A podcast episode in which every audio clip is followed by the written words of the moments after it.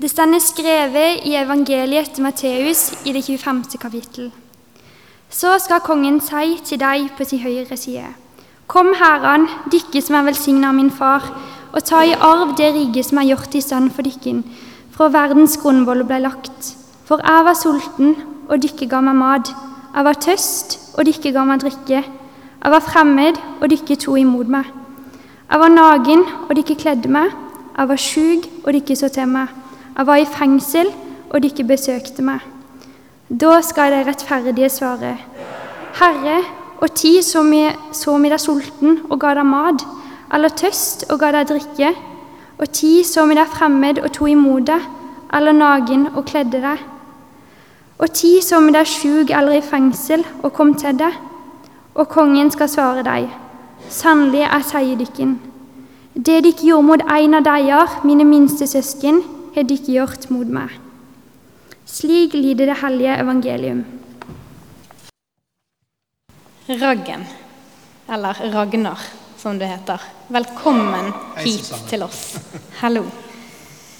Som Inge sa, så blir preken i dag en samtalepreken mellom oss. Vi er veldig glad for at du er her, og for at eh, vi får lov til å intervjue deg litt. For du har eh, mye spennende å komme med. Det har jeg hørt fra flere. Og så tror jeg at vi som fellesskap vi har godt av å høre litt historier om tro og liv. Og der har du mye på hjertet. Du har vært litt i miljøet her på noen gudstjenester, og så har du eh, spilt på sangkveld under jubileumsuken. Men ganske mange her kjenner deg ikke.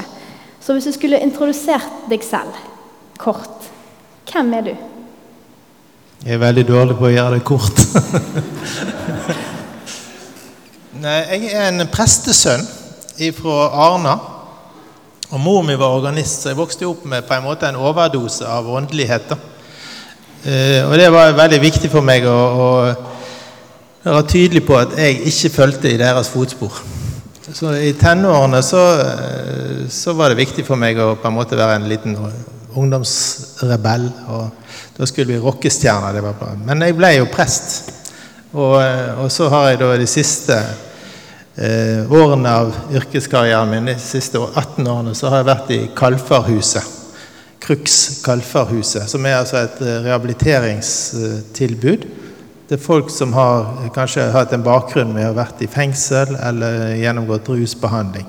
Eller hatt andre utfordringer. Da hoppet jeg opp over en god del år. Men det går fint. Vi kommer tilbake til det. Vi har akkurat hørt en bibeltekst som passer til eh, dagen i dag i kirkeåret, som er domssøndag. Og Vi skal komme litt inn på den teksten etter hvert. Men først, du er jo prest. Ja. Og jeg vet at for Øyvind Rudolf og sikkert flere så er du et forbilde i måten å være prest på, syns han.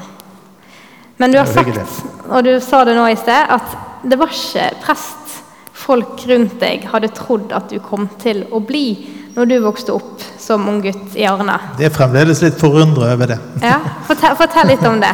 Nei, det var jo fordi at eh, jeg syns eh, Som sagt, jeg hadde jo dette med meg hjemmefra. Og, eh, men jeg syns det var veldig kjedelig. Og jeg var ikke noen sånn djup tenker som tenkte fins Gud, eller fins han ikke Gud. Men det jeg så av kristne miljø og kristne ungdommer, ikke minst, det så så ubegripelig kjedelig ut. Så for meg så var det veldig viktig å holde meg unna det. Og motstå alt press for å gå inn i disse sammenhengene osv. Hvordan gjorde du det? Holdt deg unna? Det? Nei, jeg vanka med gjengen i Arna. Og de var ikke opptatt av Jesus og den slags. Vi, vi drev med mye. altså Det er ikke noe dramatisk. altså Her er jo peanuts det jeg putler på med, med de som har drevet det lenge her i forsamlingen. det var ingenting som kvalifiserte til lange fengselsstraffer. Sånn. Men det var jo sånn at gjengen vår for ble tatt for å ha stjålet 10 000 kroner på butikken. Og i 1960 så var jo det masse penger, faktisk. Og Det var første møte med nåden da, for kompisen min, han som ga meg navnet Raggen. Han sa at det blir så mye styr når du blir tatt for noe, Raggen. Lensmann og alt sånt. Så jeg tar det på meg. Hallemann heter han. men, du, men, du, drev ikke og vanket i de eh, gjengene der så altfor lenge? Nei, altså, når jeg ble 15-16 år, så starta KFUM, en ungdomsklubb i Arna. Og det, jeg er veldig takknemlig for det. For det var ikke så kjedelig som det andre jeg hadde opplevd på, før. da. Og så hadde jeg jo det greia med at jeg spilte piano, så de kom og sa at de trengte en til å spille til allsang. Og sånt, og så tenkte jeg jeg kan jo hjelpe dem med det. Og så likte jeg dem. Jeg likte folkene. Og begynte å reise på turer til ungdomsheimen. sant Anne? Hun var på samme turene. så der ble jeg kjent med henne. Jeg ble kjent med ungdommer som Jeg hadde én opplevelse. og det var sånn, Jeg satt og så på to jenter som satt og snakket sammen om troen sin. Og min posisjon var at stakkars folk alltid går glipp av. Og så ser jeg på disse to, og så ser jeg søren, de har jo noe. De har noe som faktisk er fint. Og det var en sånn changer-greie for at jeg tenkte at det er ikke synd på dem, faktisk. De har funnet noe. De har funnet ei perle. Og, og, det eh, begynte jeg å tenke at kanskje jeg skulle prøvd å få tak i den. Men det satt langt inne at jeg skulle finne det. Jeg tenkte at det, For meg er det et håpløst prosjekt. Og På gymnaset sa kompisen min at jeg tror du er verdens største hykler. For om lørdagene er du helt dritings, og søndag går du i kirka. Og da, Det var liksom dobbeltlivet jeg levde når jeg var sånn 16 år. Jeg syntes jo ikke det var gøy. Jeg ville jo gjerne være helstøpt og sånn. Men jeg hadde ikke styr på alkoholen, f.eks. Uten at det var noe sånn Jeg var ikke innlagt noen plasser, men jeg hadde ikke kontroll. Og jeg trodde aldri jeg kom, kom til å få det heller. Men så tenkte jeg ett viktig valg. Da får jeg heller bli en sånn eh, kristen alkoholiker, da. Gå rundt i gatene i Bergen og subber med, med, nettene mine og ølposene mine. Men jeg vil rett og slett ikke slippe dette som jeg har funnet med Jesus. Mm. Og, og, du slipper det ikke? Du begynner å studere teologi? Såpass. Ja, Det er jo mye lenger fram, bare for å ja. si det, men jeg gjorde det, ja. Hvordan var den veien frem til dit? Jeg begynte med en folkehøyskole i Oslo som heter Rønningen. Og der er jo dattera mi havna som rektor, eller viserektor nå, så det er liksom eh, livets underfundigheter. Men eh, og da kom jeg dit med den planen om å bli musiker. Jeg skulle jo bli, fremdeles bli rock'n'roll-stjerne, eller jeg begynte å bli mer gospel-stjerne. jeg skulle bli da. Eh, men på det året så kom Jesusvekkelsen til Norge. Og det, vi havna midt oppi det. Det brant i alle retninger, på en måte. Og i løpet av det året så fant jeg ut dette er faktisk mer interessant og mer spennende enn å være stjerne på en scene. Så da droppa jeg å konsentrere meg på musikken. Slutta jo ikke å spille, altså, men, men, eh, jeg begynte å studere kristendom. Ikke teologi. altså Jeg var ikke sånn prest. Men jeg ville lære mer om Jesus. Det var mitt lille prosjekt. Mm. For du kunne jo da blitt musiker. Du har jo, eh, For de som ikke vet, så har jo du spiller også fortsatt med Rune Larsen og Bjørn Eidsvåg. Og du nevnte noen andre navn for meg i sted. Altså, Rolf Løvland, sier det noe til dere? Han er jo den som jeg kan liksom blafre med når jeg møter folk fra Kina. Så spør jeg kan dere noe norsk musikk. Nei. Kan dere denne, da? You raise me up. Oh yeah, I had it in my wedding. liksom, sånn. Og han var pianist i bandet mitt. Bare så dere vet det. Det blir kineserne imponert av. Her er ikke det så store saker. Men, men eh, jeg spilte med han. og Eh, første plate til Silje Nergård, noen som har hørt om henne? Ja, det er jeg som har første innspillinger der hun synger min sang. Det er, det er jo et sånn eh, piratopptak, kan du si. Men jeg har den hjemme i samlingen min. Så jeg fikk, jeg fikk eh, på den tid jobba med På den tid var de ukjente. Men seinere ble jo de ganske ledende artister innen sine felt. Særlig Bjørn Eidsvåg her i Norge da, og Rolf Løvland ute i verden. Mm. Men når du da altså får valget så ja. går du eh, for en prestestilling på Voss istedenfor å satse på musikken. Ja, akkurat da tenkte jeg at det var den mest selvfølgelige tingen i verden. Men, men etterpå så tenkte jeg at ok, da hadde vi fått platekontrakt hos Rune Larsen sitt nystarta plateselskap. Vi var først, og så kom Sissel Kyrkjebø som nummer to. så, så eh, dørene var jo åpne. Vi kunne eh, satse på dette. Vi hadde, hvis vi ville ha konsert i Trondheim eller Oslo, så ville de ha oss. og så videre sånn. Men så fikk jeg altså det for meg da, at hvis noen spurte meg om å bli prest hos de, så skulle jeg si ja. Og så kom det en enkel sjel som heter Øyvind og sa kan ikke du komme til Voss og bli prest for oss. Og da følte jeg at jeg hadde gjort en deal med Vår Herre, så jeg sa ja. Og der var det altså sju helger i vek, eh, sju helger eh, jobb og ei helg fri. Så jeg sa til Rune Larsen at jeg må bare beklage, jeg klarer ikke, jeg kan ikke oppfylle den kontrakten. Jeg må rett og slett, eh, Vi holdt fire konserter, så var det slutt på den karen. Så stengte jeg sjøl ei dør som for så vidt eh, hadde vært spennende å sett hvordan det kunne ført til. Men det, sånn ble det. Og så etter en del år så er det noen andre som kommer og spør deg om noe annet. Nemlig om å lede et rehabiliteringssenter, Kalfarhuset, som Kjell Grønner akkurat har startet opp. Og Det er et litt sånn skjult arbeid, ganske langt unna scenelyset, som eh, vi alle skjønner at du gjør deg godt på. Du kunne jo lett valgt veier som ga mer blest og anerkjennelse. Så jeg er ikke helt sikker på det. jeg tror det. Så hva har drevet deg til å ta de retningsvalgene som du har gjort? Nei, altså Det er jo et gammelt eh, ord som heter 'kall'. Altså Mellom disse tingene du sier, så kom jo da en mann og spurte om jeg kunne tenke meg å starte opp et kollektiv for unge rusmisbrukere på Voss. Styve gard. Det var egentlig det vanskeligste jeg har gjort. Men så kom Kjell Grønner da, noen år senere og spurte om Kalfarhuset. Og da følte jeg ok, vi tenkte masse att og fram og var først tilbøyelig til å si nei, dette blir for krevende, tenkte jeg da. Og det hadde jeg jo forstått rett i. Men eh, så spurte han, og jeg sa ja. Og jeg oppfatta det var liksom Vår Herre som ville ha meg inn i dette her, da, sammen med kona mi. Vi drev, det, sa ja begge to. Og det å jobbe på Kalfarhuset, har det formet troen din på noen måte?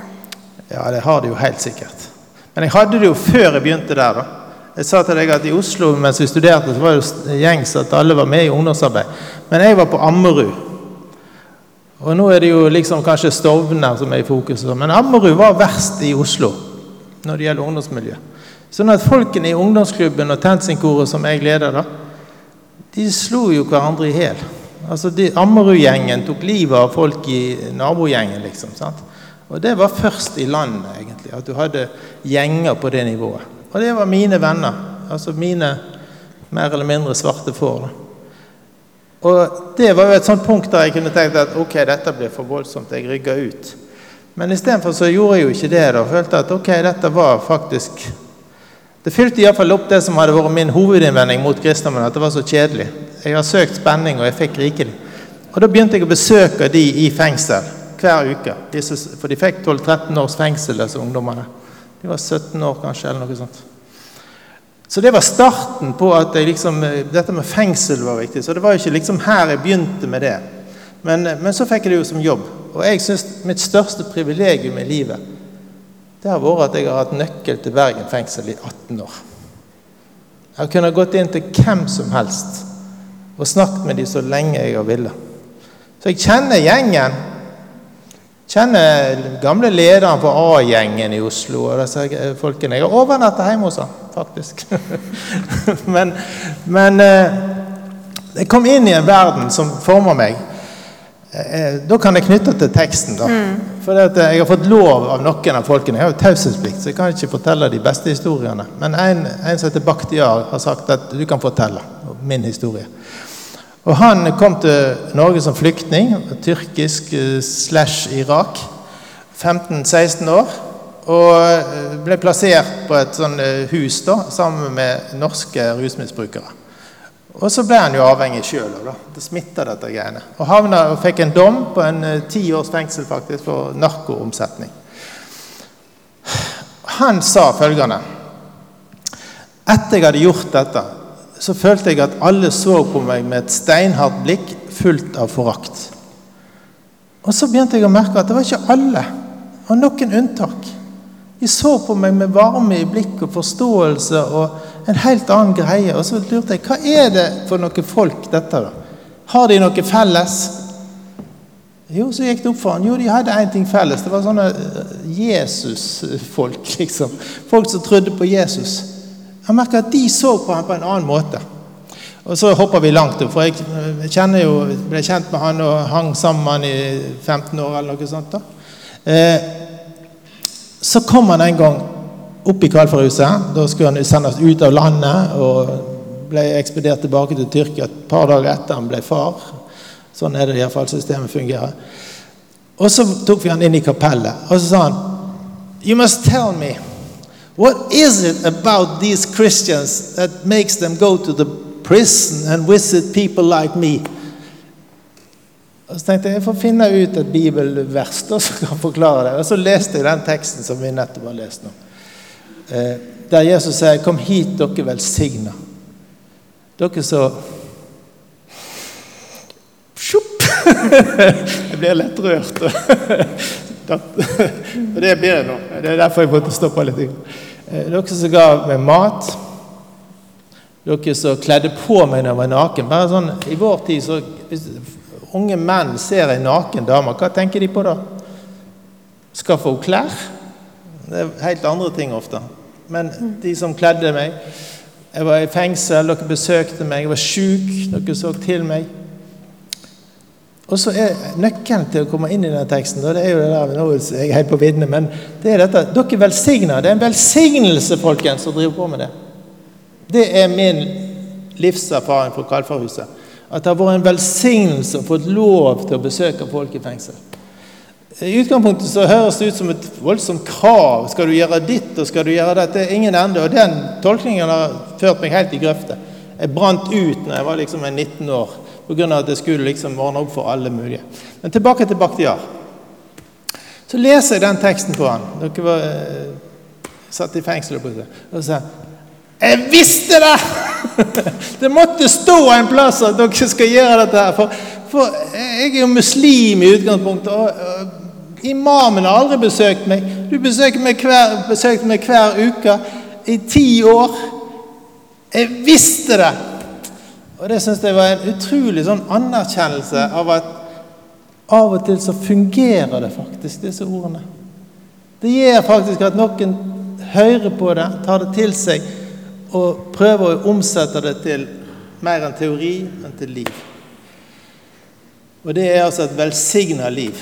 Det har det faktisk vært. Det har ikke vært noe enkelt, og det er fremdeles ikke noe enkelt, det vet de som kjenner meg. Men, men det har vært et velsigna liv.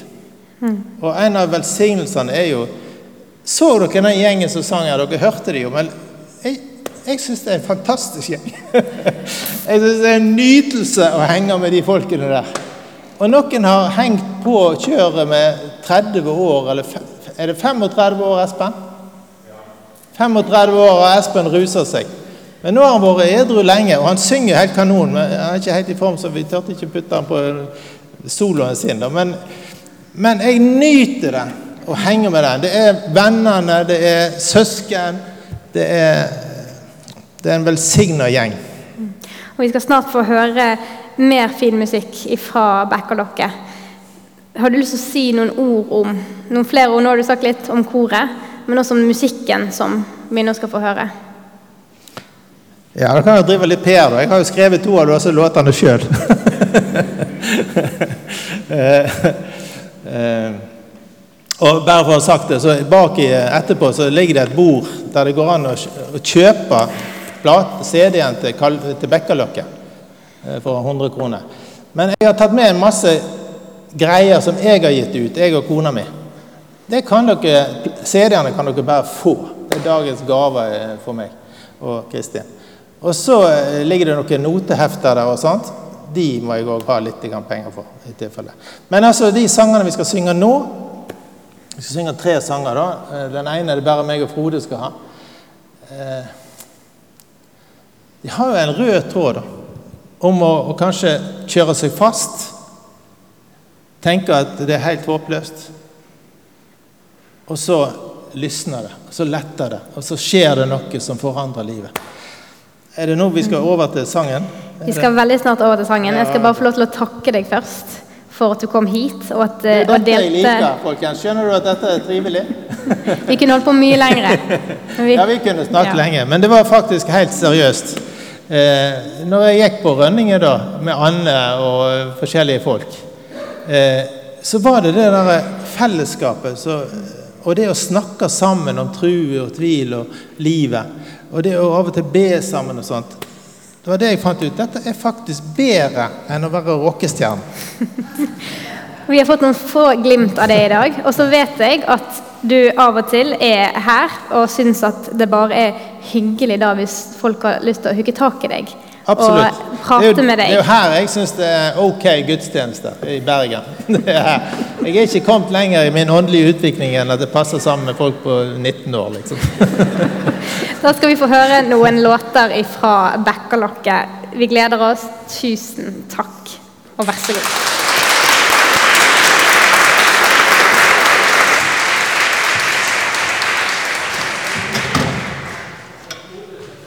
Fram. Bare venter litt med koret. Eh, Så Den første sangen her heter 'Levende vann'. Og det er jo sånn at Jeg kan jo si at jeg har samarbeidet med en som har vunnet Nobelprisen i litteratur. da. Selv om han vet ingenting om det. Men han heter Aleksandr Solzjenitsyn. Han satt i en fangeleir i Sibir og var døden nær. Og samme kveld som han skrev denne teksten, så ble medfangen hans eh, drept av andre innsatte. Og så får det han til å tenke over livet sitt. For da har han, Før han ble drept, så rakk han å fortelle om sin vei. Han var jøde, hadde overlevd Hitler, men ble tatt til fange av Stalin. Og Forferdelig liv, men midt i alt dette hadde han funnet Jesus, sin Messias. Og Så summerer han opp livet sitt. Når han var liten, så tok han avstand fra det som han hadde lært av bestemor å si. og sånt. Men så kom han altså til dette punktet som han skriver om her et vendepunkt. Av det levende vann vil jeg drikke. For å slukke min brennende tørst. Tross min skyld, du fornektet meg ikke, da min nød og min jammer var størst.